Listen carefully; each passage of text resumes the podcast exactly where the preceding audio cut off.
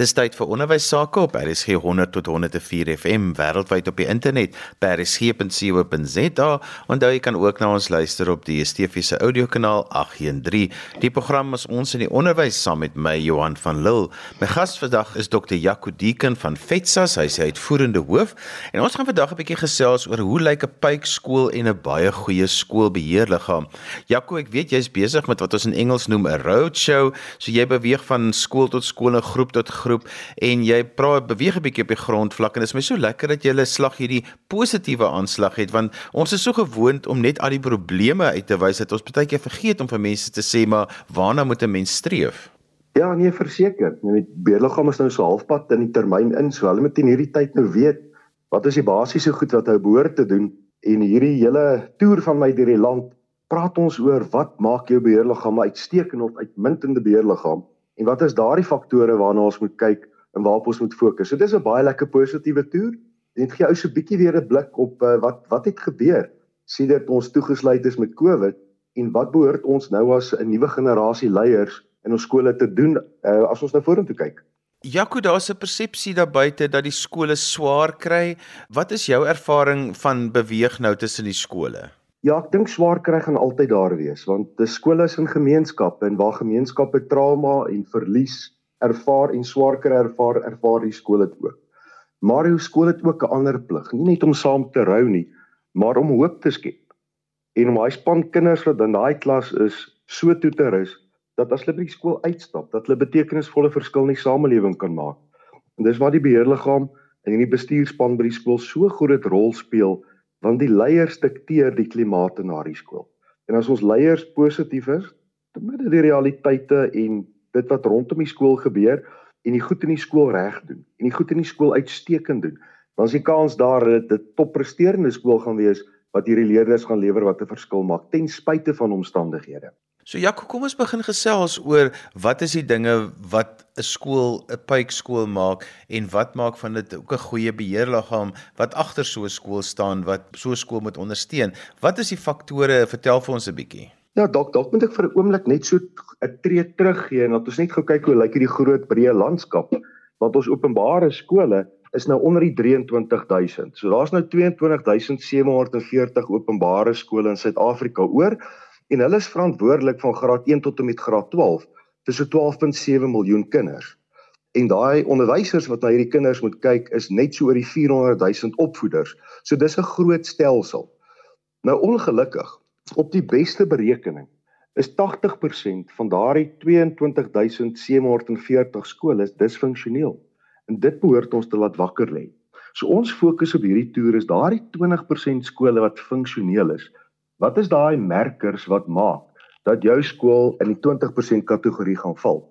En die ses merkers wat ons gebruik is nommer 1 behoorlike leierskap of goeie leierskap.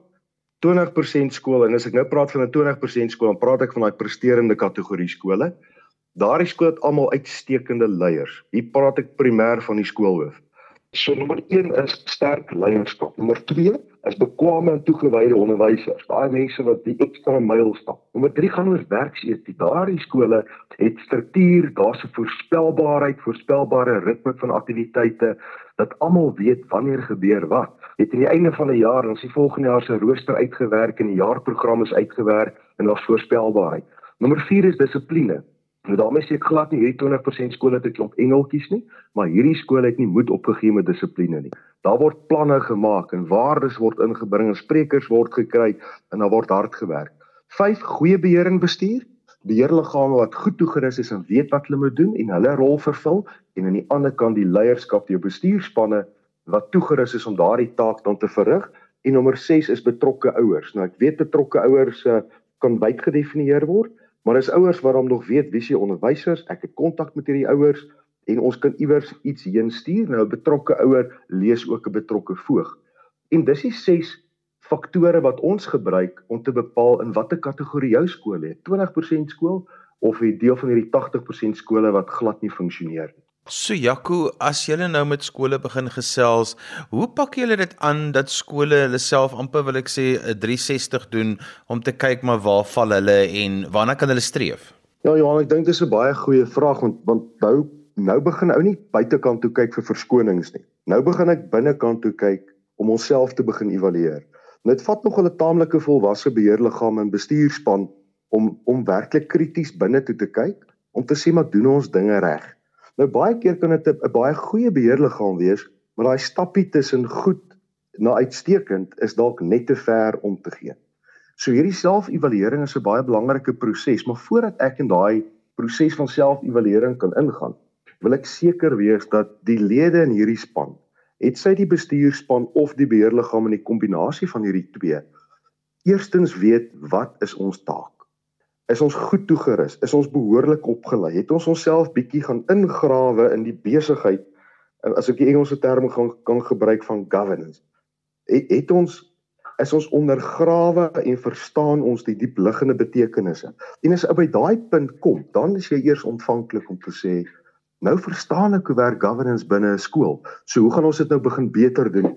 En dan is daar baie baie lekker gereedskap om te gaan kyk na self-evaluering. Kom ons evalueer die skool as as 'n bestuurspan en ons bestuurstyl, maar kom ons gaan evalueer ook die werking van die beheerliggaam. Doen ons komitees wat ons moet doen uh is het ons 'n langtermynvisie.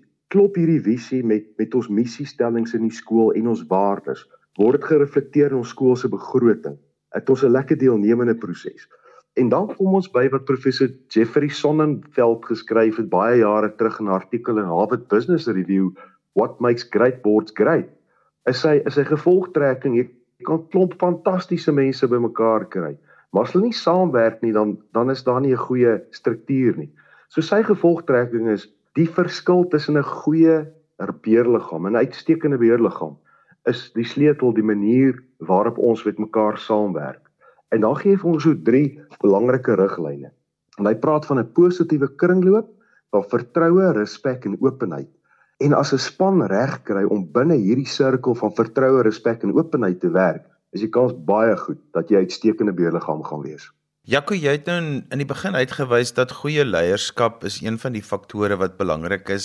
Mense het nou nogal baie on, onlangs in die nuus gelees van hoofde wat by skole aankom en dan is daar onmin en of dit die hoof is of die beheerliggaam is, maar dis asof die leierskap dan nie tot sy volle reg kom nie. Wanneer 'n mens begin praat oor 'n pypskool en daar's probleme met die leierskap, hoe word dit aangespreek? Hoe kan 'n mens dit ontwikkel en kan mens 'n verskil daar maak? Johan ek dink jy het nou net die die antwoord gegee. Dit gaan oor ontwikkeling.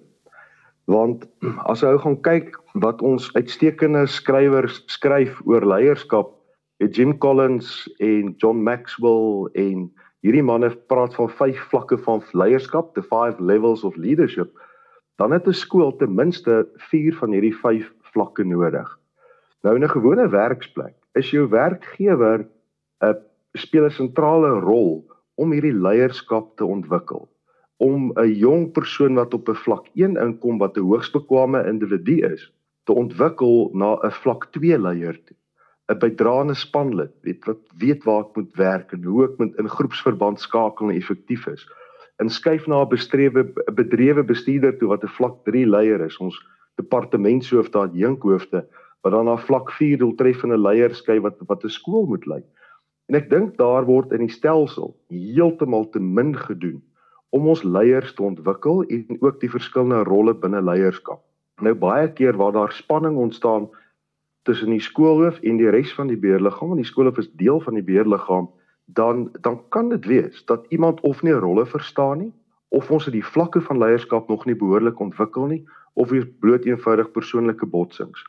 En is bietjie te laat as ons op skoolhoof vlak kom en daar's gebreke of daar's nie voldoende kennis nie. So die uitdaging vir skoolgemeenskap in daai 20% skole wat funksioneer is om seker te maak dat daardie skool 'n behoorlike leierskap ontwikkelingsprogram daarstel vir al sy leiers in die skool. Nou dit beteken letterlik ons gaan identifiseer ons posvlak 1 ons jong onderwysers en help hulle om deur te werk na vlak 2 en vlak 3 toe. Ons ontwikkel ons departementshoofde en ons gee hulle blootstelling sodat hulle kan aansoek doen vir adjunkhoofposte. Ons gee vir adjunkhoofde blootstelling en opleiding sodat ons uh, genoeg mense en kandidaate het om te skiet vir ons skoolhoofposte. So dis die een kategorie. Die tweede kategorie kyk ons dan spesifiek na die leierskap binne die beheerliggaam. Hoe lyk die opvolgbeplanning? Wie is ons volgende beheerliggaam voorsitter en ondervoorsitter en ontwikkel ons ook hierdie ouers om genoeg van die skoolstelsel te verstaan om hulle leierskaprol daar uit te speel. Ons kan uitstekende leiers in besigheid wees, in korporatiewe terme alles verstaan, maar die bruggie is dalk net te groot na die skoolsektor toe. So daardie ontwikkeling met met opleiding en die verstaan en toepassing van king beginsels binne die skoolomgewing en ons derde vlak van leierskap in skole is by ons leierleerders. Weet by hoërskool moet 'n leerders is ons leerders deel van daardie skool se beheerliggaam. En um, ek kry in die Afrikaanse gemeenskap eintlik skaam as ek sien hoe hierdie leerders eintlik genegeer word. Hulle moet net kom hallo sê in die vergadering en dan verskoon ons hulle. En ons ontwikkel nie hierdie jong mense in volle lede van die beheerliggaam wat 'n volle seggenskap in daardie skool het. En op langtermyn skiet ons onsself in die voet deur nie aandag te gee aan al drie hierdie vlakke van leierskap in 'n skool. Jaco ek wil 'n bietjie oorskuif ook na die beheerliggaam toe. So in die elemente wat jy uitgewys het en die faktore wat nou vir jou 'n skool in daai 20% sit wat goed funksioneer en wat regtig pyk vaar. Wat is julle terugvoer? Hoe ervaar julle dit en is die beheerliggame oop vir terugvoer daaroor? Wat is die gesprekke wat gebeur? Ek dink dit hang baie van gemeenskap tot gemeenskap af. Daar waar 'n persoon al 'n eerste of 'n tweede termyn op 'n beheerliggaam begin dien, Daardie gesprek is bietjie anders as 'n persoon wat nou die heel eerste keer in 'n beheerliggaam inkom. Nou moet ek myself hier onderbreek. Die termyn van 'n beheerliggaam lid, 'n verkose persoon is 3 jaar. Nou baie baie ouers gaan vir jou sê, jy weet hierdie einde van 3 jaar begin ons eers die skoolstelsel verstaan en begin ons die rolle verstaan, weet jy, nou is daar 'n nuwe verkiesing. So dis nogal belangrik dat dat skole beplan vir kontinuïteit dat daar ten minste 'n paar van die bestaande lede in 'n tweede of selfs 'n derde termyn ingaan um, om om juis hierdie kundigheid en hierdie ervaring saam te vat. So daar's dalk die eerste ene, 'n gesprek in 'n 'n meer volwasse beheerliggaam. Ouens wat al bietjie langer daar gesit het, lyk so bietjie anders want ons het meer begrip en verstaan vir dit wat daar gebeur en ons het al beter opleiding gehad. So daardie groep is amper meer ontvanklik. Die beginners in die onderwys, die e-, ouens wat die eerste termyn dien, is geweldig afhanklik van die leiding wat die skoolhoof gee. En die manier wat die skoolhoof die skool bekendstel en hierdie jong mense ook begelei om hulle rol te verstaan op die beheerliggaam. En as daardie die skoolhoof en die res van die beheerliggaam op dieselfde bladsy is, dan is hulle ontvanklik vir goeie opleiding. Ons verstaan die skool, ons verstaan ons skool se behoeftes, ons verstaan ons rolle het en nou kan nou begin krities dink. Wat is daai aspekte wat ons eintlik beter kan doen? Wat is daai goed waarna ons tyd en aandag spandeer wat nie werklik so groot verskil gaan maak nie? Weet in op 'n stadium aan beheer bereik 'n beheerliggame punt in die volwassenheid wat hulle vir mekaar kan sê lyk ons begroting soos ons missiestelling. Want daar's baie skole wat sê ons wil kinders in totaliteit ontwikkel. As jy kyk na die begroting, dan lyk dit of dit net rugby is en en totaliteit beteken tog ons gaan ons begroting so toe toedeel dat daar in alle fasette aandag gegee word in die akademie, in die kultuur, in die sport. Ons gaan genoeg geld belê in die ontwikkeling en die toerusting van ons personeel. En dan is dit 'n ander gesprek. In armer gemeenskappe en uit gemeenskappe wat in areas is waar daar dwelmmisbruik, bende geweld is, daar word jou word jou fokuspunte natuurlik anders bepaal waar veiligheid 'n groter rol gaan speel en wat maatskaplike hulp en ondersteuning 'n groter rol gaan speel. So die die, die beheerliggaam moet daai gemeenskap goed verstaan en dan word ons ontvanklik vir hierdie gesprekke. Maar wat in my ervaring Johannes het nou so deur die land toer. Ek het in my lewe nog by min beheerliggame opgedaag wat graag daardie skool wil opvoete en wat wil graag wil seker maak ons wil hierdie skool disfunksioneel kry. Dis gewoonlik nie die geval nie. Hier en daar is daar 'n persoon wat dalk 'n politieke agenda of 'n persoonlike agenda dryf en dan behoort die beheerliggame daai persone aan te spreek en eintlik uit uit te haal deur hulle grondwet en hulle gedragskode te gebruik. Maar die meeste ouers, ten minste wat vrywillig gaan staan, wil dit tog in beste belang van die kind doen, in beste belang van daardie skool doen. En as ou daai spasie is, is ons klaar op die wenpad. Jaco, wat is die dinge wat die beheerliggame vir julle uitspreek is ook vir hulle frustrasie en wat baie keer vir hulle verhoed om 'n groter impak in die skool te hê? Ek dink die eerste frustrasie van van 'n lid van 'n beheerliggaam op op by baie plekke is hulle voel ons weet nie wat by die skool aangaan. dat daar swak kommunikasie is baie keer van die skool se leierskap, die bestuurspan in die skoolhoof. Ehm um, ek het die term gehoor gatekeeping, wil tog net nie hê ons moet betrokke wees nie. In party gemeenskappe is vakbonde of 'n spesifieke vakbond eintlik ek wil amper sê gekant teen 'n beheerliggaam, al die beheerliggaam so ver as moontlik weghou van die skool af met so min as moontlik ouer insette. In daardie gemeenskappe is dit 'n probleem. En dan kry ons ook 'n generasie skoolhoofde en ek moet sê dit is baie keer ons ouer garde wat in 'n bedeling gewerk het voordat ons met openbare skole begin werk het waar daar nie deelnemende besluitneming was nie. En vir daardie persone wat groot geword het in 'n autokratiese staatskoolstelsel, is dit moeilik uh om in 'n met 'n deelnemende stelsel te werk waar die beheerliggaam belangrike besluite neem. En dis nie oral nie, maar dit is party ons 'n groot kop skuif om te maak en dan is dit 'n frustrasie. 'n Ander groot frustrasie van beheerliggame is baie keer die kommunikasie met die departement. Om te voel daar word belangrike sake uh wat onder die beheerliggaam se verantwoordelikheid val, word met net met die skoolhoof bespreek. Die dat die departement nie direk met die beheerliggaam skakel nie of waar hulle skakel, dat dit uh, die beheerliggaam vir ons word geboelie. Dit as as 'n beheerliggaam nie weet wat sy take en verantwoordelikhede is nie, dan kan jy maklik gemanipuleer word. En dan die laaste laaste groot faktor is geld. Waar beheerliggaam afhanklik is van 'n staatssubsidie en die geld kom nie vinnig in nie, dan sit dit die beheerliggaam in 'n baie moeilike posisie of waar skoolgeld gehef kan word en ouers betaal dit nie. Dan maak dit bitter moeilik vir die beheerliggaam om regtig uitvoering te gee aan aan hulle funksies en verantwoordelikhede. So dis so die die hoofkategorieë, maar natuurlik is daar 'n paar klein jakkalsies ook. Daar word so baie in die nuus geskryf oor dat die rol van beheerliggame moontlik gaan verander, hulle magte gaan ingeperk word en so aan. Geen net vir ons so kortliks net waar trek ons met dit en en wat is aan die gang? Ja, jy verwys nou na die wysigingswetontwerp op onderwyswette wat nou bekend staan as die BELAP wet of die BELAP konsepwet, dis maar net die Engels vir die Basic Education Laws Amendment Bill. Nou ons het nou so 'n paar weke terug het ons uh, my waarheid te sê ja, so verlede maand 15 Augustus het die openbare kommentaarproses uh, gesluit. Dit was die skriftelike proses.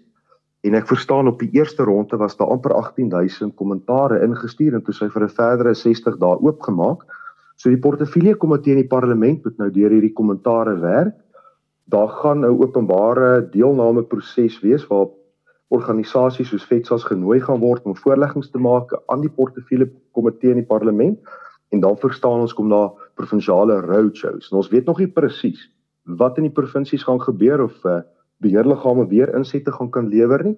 En dan met die portefeulje komitee dit verwerk na die uh, algemene vergadering toestuur of die nasionale vergadering wat dan daaroor moet stem. Dit moet deur die nasionale raad van provinsies gaan en goedgekeur word en daarna gaan dit eers na die president toe vir ondertekening. Hy het natuurlik ook die reg om vrae te vra of na die grondwet hof te verwys indien hy vra het oor grondwetlikheid. So daar moet tog baie water in die see loop. Oorspronklik was die plan dat dit September vanjaar voor die parlement moes dien, maar ek dink selfs volgende jaar September kan dalk 'n uitdaging wees om deur al die prosesse te kom. So nie op hierdie stadium met die beheerliggaam hulle volle regte, magte en verpligtinge soos wat dit nou in die skolewet staan en gaan ons definitief hand in tand beklei om seker te maak dat hierdie regte en verpligtinge van beheerliggame nie weggevat word. Maar nou weet ek jy gaan vir my sê maar 80% skole is disfunksioneel. Moet ons dit nie juis wegvat nie? En die antwoord lê eintlik gesetel in behoorlike opleiding. Dis maklik om te sê 80% van beheerliggame of skole is disfunksioneel. Kom ons word weer staatskole, maar behoede ons dat elke skool weer 'n staatsinstelling en 'n staatskool word. Ons sien hoe word baie van ons staatsdepartemente bestuur. Selfs die staatsgekoppelde entiteite vaar swak So die sleutel van sukses lê in goed opgeleide beheerliggame en bestuurspanne en ons moet alles in ons vermoë as as burgers van die land doen om seker te maak openbare skole bly openbare skole wat waar die eienaarskap in ons skoolgemeenskappe lê. Ja, kon net so ten slotte, wie se werk is dit om daai 80% skole wat so swaar kry, se beheerliggame op te lei? Dit is primêr die verantwoordelikheid van die departement in die skolewet want as jy groot verantwoordelikheid vir die burgers van die land gee dan moet daar behoorlike ondersteuning en opleiding wees. En dit vind nie plaas nie dis ons Achilles heel in die stelsel. En tot die mate wat daar opleiding is is dit uiters gebrekkig.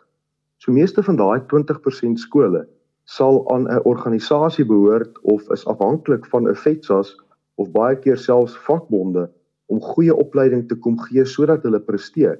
So die staat is nie 'n hoofvernoot in opleiding op hierdie stadium. Daar's se twee provinsies wat beter vaar as die ander sewe, maar dit skep 'n krisis. Maar as ons vra wie's verantwoordelik vir ons openbare skole, dan sit ons almal. So selfs 'n goeie skool gaan so 'n bietjie met opkyk en afkyk in die pad om te sê, hoe kan ek hierdie buurskool bystaan? Hoe gaan ons seker maak dat daai 80% skool ook 'n hoogs funksionele skool word? Nie deur 'n welsynsprojek nie, maar deur 'n projek wat ons daai beheerliggaam in skool bystaan om hulle verantwoordelikheid te aanvaar.